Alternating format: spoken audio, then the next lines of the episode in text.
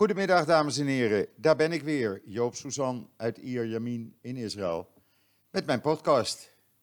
Ja, eh, ik maak hem binnen, gelukkig. Want het is zo heet op het ogenblik. Het is al sinds zaterdag rond de 40 graden. En ook nu, op dit moment, as we speak, is de gevoelstemperatuur 40 graden en die, eh, de werkelijke temperatuur rond de 38. Maar het loopt uh, vanmiddag op en uh, over een uh, 1, 2 uurtjes zal de gevoelstemperatuur bij mij zo'n 42 graden zijn. En ik moet u zeggen, er is een behoorlijke wind uit het noorden, noordwesten. En die geeft me toch een warme lucht, zeg. Het lijkt wel of je in, een, in zo'n turbo-oven zit. Je kan, ik kan niet buiten op het terras zitten, want dat is te warm, het is te heet. Uh, je ziet ook wat er nu gebeurt, zoals gisteravond, dan ga ik dus met de hond lopen. Uh, omdat ik smiddags, uh, ja, la, laat ik hem even vijf minuten uit en dan, uh, dan is het alweer te warm voor hem en ook voor mij. En dan zie je s'avonds op straat, ja, iedereen is buiten dan om een uur of acht, negen met de honden lopen of aan het sporten of wat dan ook. Want overdag kan dat gewoon niet. Vanwege de hete temperaturen. En dit duurt nog tot minstens vrijdag. Zaterdag zou het iets koeler worden, zo rond de 30 graden. Dat is dan wel lekker. Maar dit is extreem heet voor de tijd van het jaar. Normaal komen dit soort temperaturen een aantal keren voor in augustus. Maar in mei, eh, ik heb het nog nooit meegemaakt in die 20 jaar. En anderen die hier geboren zijn, zeggen ook: dit is echt extreem, dit moet de klimaatverandering zijn. Het zal wel, maar we zitten er wel mee, althans, we zitten met de airco. En gelukkig valt het bij mij dan nog mee, want er zijn plaatsen zoals Tiberias uh, in het noorden, bij het meer van Tiberias dan.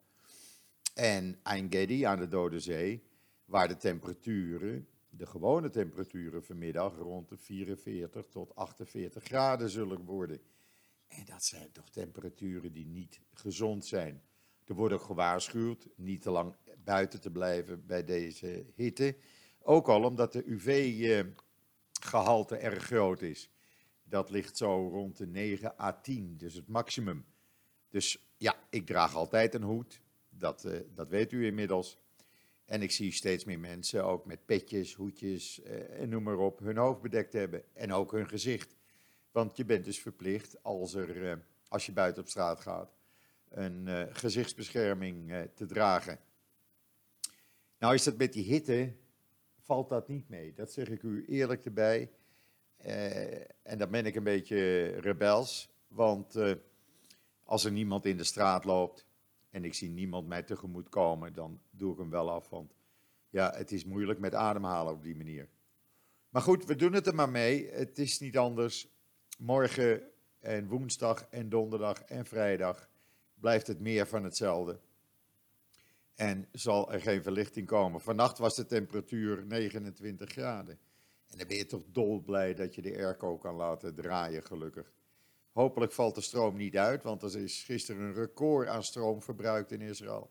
Bijna 13.000 megawatt op een gegeven ogenblik. En dat is erg veel, dat is nog nooit uh, eerder voorgekomen. En dat zal deze week opnieuw records breken. Want ja, uh, iedereen gebruikt de airconditioning. Uh, anders valt het ook niet uit te houden. Maar goed, dit is het Midden-Oosten, zullen we maar zeggen. En uh, dan weet je dat dit soort temperaturen kunnen voorkomen. Uh, ja, en dan hebben we eindelijk een nieuwe regering. Het heeft 508 dagen geduurd, Belgische toestanden. Maar gisteren is dan eindelijk de nieuwe regering van Netanyahu en Gans, want ze zijn beide eigenlijk premier, uh, geïnstalleerd. Dat ging uh, op het laatste moment nog uh, niet zonder slag of stoten, want Netanyahu moest allerlei uh, ja, Likud-leden tevreden stellen. Dus ja, er zijn allerlei ministeries in tweeën of drieën gedeeld. Zo is er nu een ministerie gekomen van water. En die minister is ook minister van middelbare en hogere scholen. Die, dat hebben ze dus bij het ministerie van Energie en het ministerie van Onderwijs weggehaald. Er is een minister benoemd. Ja, dat vind ik de grootste, de grootste mop eigenlijk. Uh, er is een minister benoemd die uh, zich bezig moet houden met de contacten tussen de regering en het parlement, de Knesset. Dus minister van contact, zullen we maar zeggen.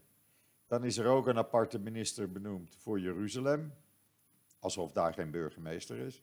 En er is een minister benoemd voor settlementzaken, wat altijd onder bouw en huisvesting viel. Het grootste, uh, ja, uh, groot, uh, ik ben, niemand is daar eigenlijk blij mee. Ieder wel denkt mensen die zeggen, ja, hoe kan dat zoiets gebeuren? De minister van Volksgezondheid, de ultra-orthodoxe Lidsman, die uh, heeft op zijn verzoek het ministerie van Huisvesting en Bouwen gekregen. En ja, Netanyahu heeft ja gezegd, zonder slag of stoot, om de ultra-orthodoxe partijen niet nog meer tegen zich in het harnas te jagen. Was eigenlijk nergens voor nodig, want hij had toch wel samen met Blue and White een meerderheid. Maar goed, het is zoals het is en we zullen zien wat er uh, de komende maanden gaat gebeuren. Ze hebben als prioriteit gezegd, de eerste zes maanden gaan we ons bezighouden met het, de bestrijding van het coronavirus. Nou, dat zou een goede zaak zijn. Iedereen is bang voor uitbraak van uh, een tweede golf. Op dit moment ligt het aantal besmettingen erg laag, uh, ruim 3300. En zijn er in de afgelopen 24 uur maar 11 nieuwe besmettingen bijgekomen, dus dat stelt ook niks voor. Sinds uh, zondagochtend is er niemand meer overleden. Dat is ook een goede zaak. Er liggen nog zo'n 49 mensen aan de ademhaling. Hopelijk uh, redden die het. Betekent wel dat het hier aardig onder de knie is. Maar de scholen zijn gisteren weer begonnen. Alle scholen. Met uitzondering van een paar in gebieden waar nog uh, behoorlijk wat besmettingen zijn. Want dat is voornamelijk toch wel in die ultra-orthodoxe gebieden. Uh, en we zullen zien in uh, ja, twee weken van nu, zeggen de geleerden, dan zal er bekend moeten zijn of het aantal besmettingen gaat toenemen doordat de scholen geopend zijn of niet. Ik hoop van niet, want dat betekent ook dat er allerlei maatregelen weer versoepeld kunnen worden. Er is sprake van trouwens dat restaurants en cafés en bars deze week al open gaan, eind deze week. Er zijn steeds meer restaurants en café-eigenaren die zeggen: ja, daar blijf ik niet op wachten. Ik ga lekker uh, terrasjes op de stoep zetten, uit elkaar natuurlijk, twee meter afstand. En daar zet ik tafeltjes neer. Ik begin al alvast met uh, het meten van de temperatuur van de gasten. En dan kan er weinig fout gaan. Uh, ja, ergens hebben ze wel gelijk. Want het, kijk, als natuurlijk het aantal besmettingen afneemt en het zo minimaal is, dan zou je dat kunnen gaan toestaan. Ook als scholen zijn open, IKEA is open, shoppingmalls zijn open. Dan, uh, dan moet dat gewoon kunnen. Ook bij shoppingmalls, ik geloof dat ik dat al eerder heb gezegd, wordt als je binnen wil, de temperatuur gemeten en er is een maximum aan het aantal bezoekers. Even een slokje water tegen de uitdroging. Um, en niemand die daar moeilijk, uh, moeilijk over doet. Uh, ondanks dat uh, in Nederland altijd velen zeggen: ja, maar dat is aantasting van mijn privacy en dat wil ik niet dat vreemden dat doen. Maar het gebeurt gewoon en ik vind het ook prima. En ik vraag elke keer: van wat is mijn temperatuur? Nou, dan zie ik dat hij rond de 35,8, 35,9 ligt. En dan kan je gaan winkelen met een monddoekje voor, want je moet in de shoppingmall verplicht een monddoekje dragen. Over het dragen van handschoenen, ja, daar uh, hoor je nou hele uh, wisselvallige meningen over. Uh, de een zegt, ja, is prima, ik doe het ook altijd namelijk als ik naar de supermarkt ga en zo'n karretje aanraak, heb ik liever toch handschoenen aan. Anderen zeggen ja, maar het is, kan ook gevaarlijk zijn voor de verspreiding van het virus, die handschoenen. Want uh, de bacillen, de virus, bacillen blijven er langer op zitten. Ja, uh, wat is wijsheid? Ik denk bescherming zoveel mogelijk, dat is het goede. Ik heb me ook voorgenomen om uh, komende vrijdag, de eerste van de kinderen met hun families hier te laten komen. Als er geen bijzonderheden gebeuren. En dan, uh, dat betekent dat uh, een van de, van de zoons van mijn overleden partner komt met zijn gezin hier. De week daarna de andere, die week daarna weer een andere. En dan hoop ik in de vierde week voor het eerst in drie maanden weer de hele club op vrijdagavond aan tafel te hebben. Nou, ik kan die maand niet afwachten. Want dat zijn van die dingen die je dus enorm mist natuurlijk. Het, uh, het alleen op vrijdagavond zijn, et cetera. Ik kan ook mijn vrienden niet bezoeken, althans nog niet. Maar dat gaat ook veranderen, want de stranden gaan uh, open komende woensdag officieel. Uh, je zou het haast niet zeggen, want op dit moment zijn de stranden al overvol. Omdat iedereen toch eventjes de zee in wil. Maar officieel mag dat nog steeds niet. Vanaf woensdag is het weer toegestaan. En dan kan je dus het strand op.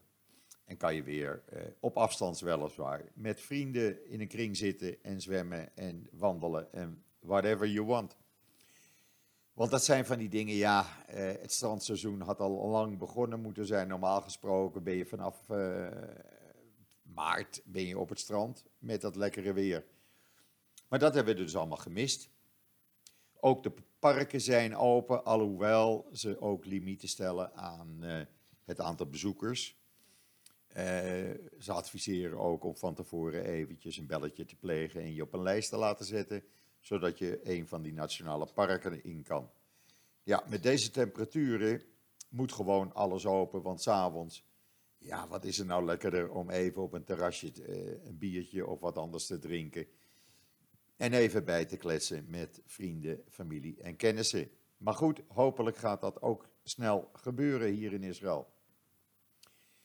Ja, en dan nog even over die nieuwe regering. Uh, we hebben 36 ministers. En we krijgen, of hebben 16 staatssecretarissen, om het zo maar even te noemen. Dat zijn in totaal 52 mensen, die allemaal een auto met chauffeur, beveiliging, een kantoor met assistenten hebben, nodig hebben. En dat moet allemaal betaald worden.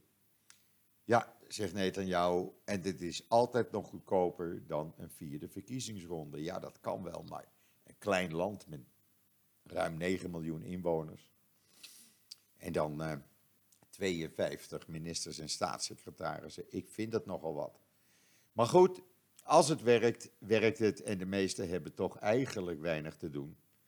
Uh, en er zullen nog wat baantjes gaan veranderen over 18 maanden als Netanyahu uh, zijn functie neerlegt en overgeeft aan Benny Gans, die nu op dit moment dus plaatsvervanger premier en minister van Defensie is.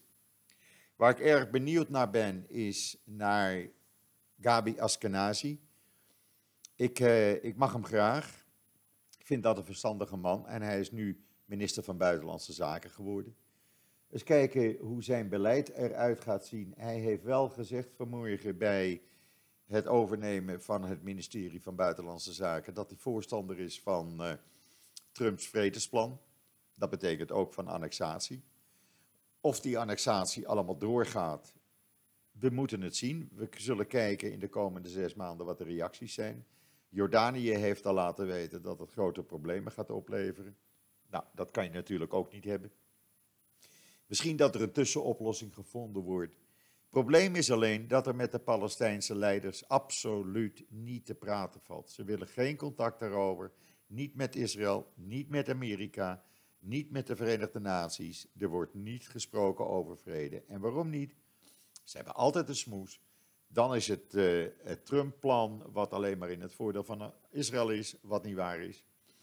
Dan is het uh, Israël wat uh, plannen heeft om te annexeren of iets anders van zins heeft. Dan is het Hamas. nou, er is altijd wel wat. En daardoor zal er, is er op dit moment geen medewerking van die Palestijnen. En als je iets gaat doen, moet je dat toch, moet je een partij daarvoor hebben die, die mee wil werken. Althans, waar je mee kan praten.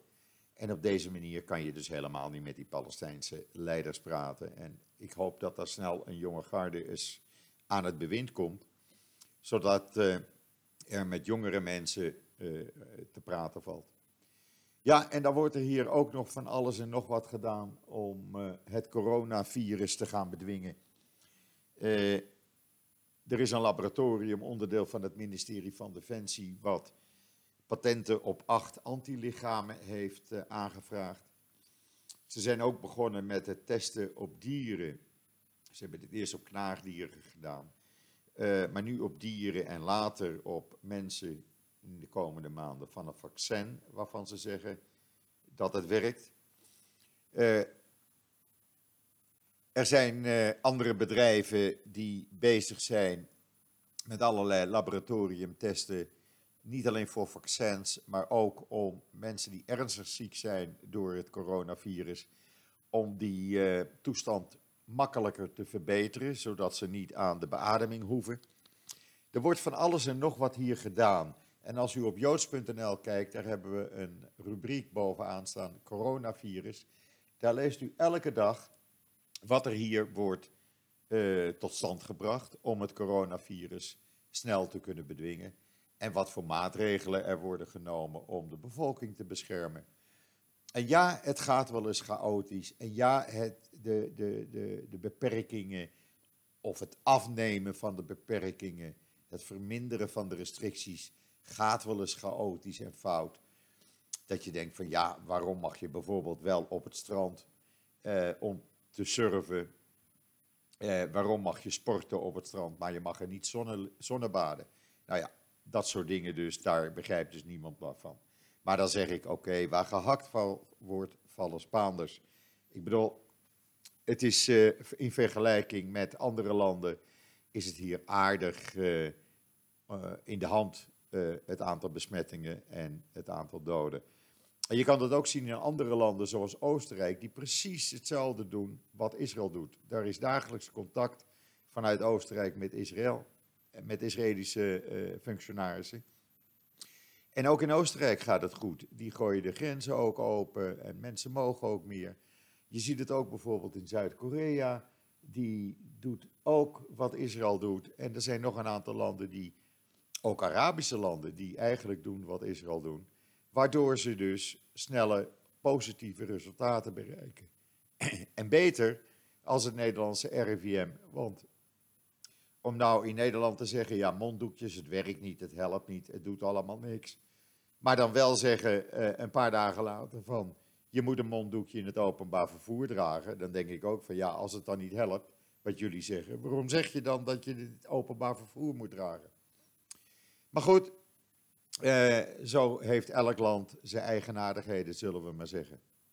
De treinen gaan hier misschien eh, volgende week rijden. Er is nog geen definitief besluit. Die liggen al stil sinds het uitbreken van uh, de besmettingen. Omdat men niet wilde dat, de besmet, uh, dat besmette mensen zich door het hele land gingen begeven. Uh, dus ja, hoe dat gaat gebeuren, men zegt ook al Iedereen die wordt automatisch gescand op temperatuur. Dat gaat met speciale scanapparaten die worden geïnstalleerd op de stations. en men denkt aan een soort reserveringssysteem. In ieder geval, treinen zullen rijden op een bezettingsgraad die ligt op ongeveer 50%. In bussen is dat al zo. De gemiddelde bezettingsgraad in bussen ligt rond de 20, 25 passagiers maximaal. Uh, dus ja, dat openbaar vervoer is nog wel een dingetje, maar ze proberen hier toch oplossingen voor te vinden. Uh, voor de rest, ja, iedereen gaat natuurlijk uh, zoveel mogelijk nu met zijn eigen auto. Alhoewel, ik moet wel zeggen, je merkt aan het verkeer dat veel mensen toch nog steeds thuiswerken. En dat zou best eens kunnen zijn dat ook in de nabije toekomst veel mensen thuis blijven werken. Het scheelt alleen maar kantoorruimte, het scheelt heen en weer gereis. Het is ook goed tegen de milieuvervuiling. En je staat niet meer lang in de file. Dus hopelijk zet dat nu door. In ieder geval zijn er steeds meer high-tech bedrijven die zeggen van nou, het bevalt ons prima zo. Voorlopig kunnen de mensen thuiswerken en één keer per week of zo even naar kantoor komen. Maar dat gaat uitstekend. Uh, wat ook goed gaat, is dat je ziet dat mensen zich toch wel aan de voorschriften houden. Uh, als, je, als je op straat loopt en er komen mensen aan, uh, iedereen probeert toch een beetje ruimte aan elkaar te geven. Het is niet altijd twee meter, maar men houdt wel rekening met elkaar. Ook uh, in winkels zie je het toch gebeuren. Mensen blijven dan geduldig wachten als uh, in winkels bijvoorbeeld tot 100 meter mogen drie klanten tegelijk zijn. Nou, als je de vierde bent, moet je even wachten. Dan blijf je even wachten. Ik zag dat ook bij de shoppingmall. Op een gegeven ogenblik staat daar een hele rij in de zon. Maar ja, het is niet anders. Er zijn nieuwe regels. Het is het nieuwe normaal. Uh, er zijn wel vanmorgen twee besmettingen geconstateerd op twee verschillende scholen in uh, Israël. De leraren die besmet waren. Uh, waardoor leerlingen dus ook in quarantaine zijn geplaatst thuis. Het zijn geen ernstige besmettingen, milde vorm, maar toch. En dan heeft het Mogen David Adom twee ambulancebussen gebouwd, waar 13 patiënten tegelijk in kunnen worden vervoerd. Zijn speciaal gebouwd voor vervoer van mensen met het coronavirus. Dat is ook een goede zaak. Die bussen zijn beschikbaar gesteld door de Dan Busmaatschappij. En de ombouw is betaald door OSM Nestlé, een onderdeel van Unilever. Ook weer een mooie zaak. En dat zie je toch hier wel hoor. Dat veel bedrijven toch financieel hun steentje bijdragen. Ja, en dan was er gisteren eh, even een schok in Israël. Dat was toch schrikken. Want de Chinese ambassadeur werd dood op zijn bed gevonden in Herzliya. En die man die zat er nog maar pas sinds februari. Had nog niet eens zijn geloofsbrieven overhandigd aan president Rivlin, want door het coronavirus was dat allemaal uitgesteld. Hij blijkt een hartstilstand te hebben gehad. En uh, ja, uh, dat was even schrikken. China stuurt nu een, een team naar Israël om uh, dit verder af te handelen. Dan worden er in Benai Barak en andere plaatsen met een hoge besmetting, zijn ze nu begonnen de ziekenfondsen om testen uit te gaan voeren wie wel en niet besmet is met het virus door te testen of je antilichamen hebt en of je dus immuun bent. Uh, het uiteindelijke doel is de hele Israëlische bevolking te testen deze komende maanden, zodat mocht er een tweede golf uitbraak komen tegen het najaar, men precies weet wie antilichamen heeft en wie niet. Ja, het enige nadeel van die hele crisis is dat wij in Israël uh, een enorme werkloosheid hebben. Natuurlijk, mensen keren langzaam terug naar hun werk, maar niet iedereen. Op het hoogtepunt was er een werkloosheid van 27 procent, oftewel 1, ruim 1,2 miljoen van de beroepsbevolking. Dat is hoog, was nog nooit voorgekomen in het bestaan van Israël. Men verwacht dat uiteindelijk zo'n 400.000, 500.000 mensen toch hun baan kwijt zijn. Dat is heel triest. En uh, hopelijk gaat dat meevallen. Wel wordt geprobeerd het binnenlands toerisme nu uh, te, uh, pushen, zodat mensen naar Eilat op vakantie gaan of naar andere plekken in Israël waar nu hotels leeg staan. Want de 4,5 miljoen toeristen die dit jaar minimaal werden verwacht, ja, die komen natuurlijk niet. Dat zullen misschien, als de grenzen weer open gaan, niemand weet wanneer, want voorlopig zijn ze nog dicht, zullen er ook toeristen binnenkomen, maar hoe dat dan moet, men wil het virus buiten de grens houden. Dus we zullen zien wat dat gaat gebeuren.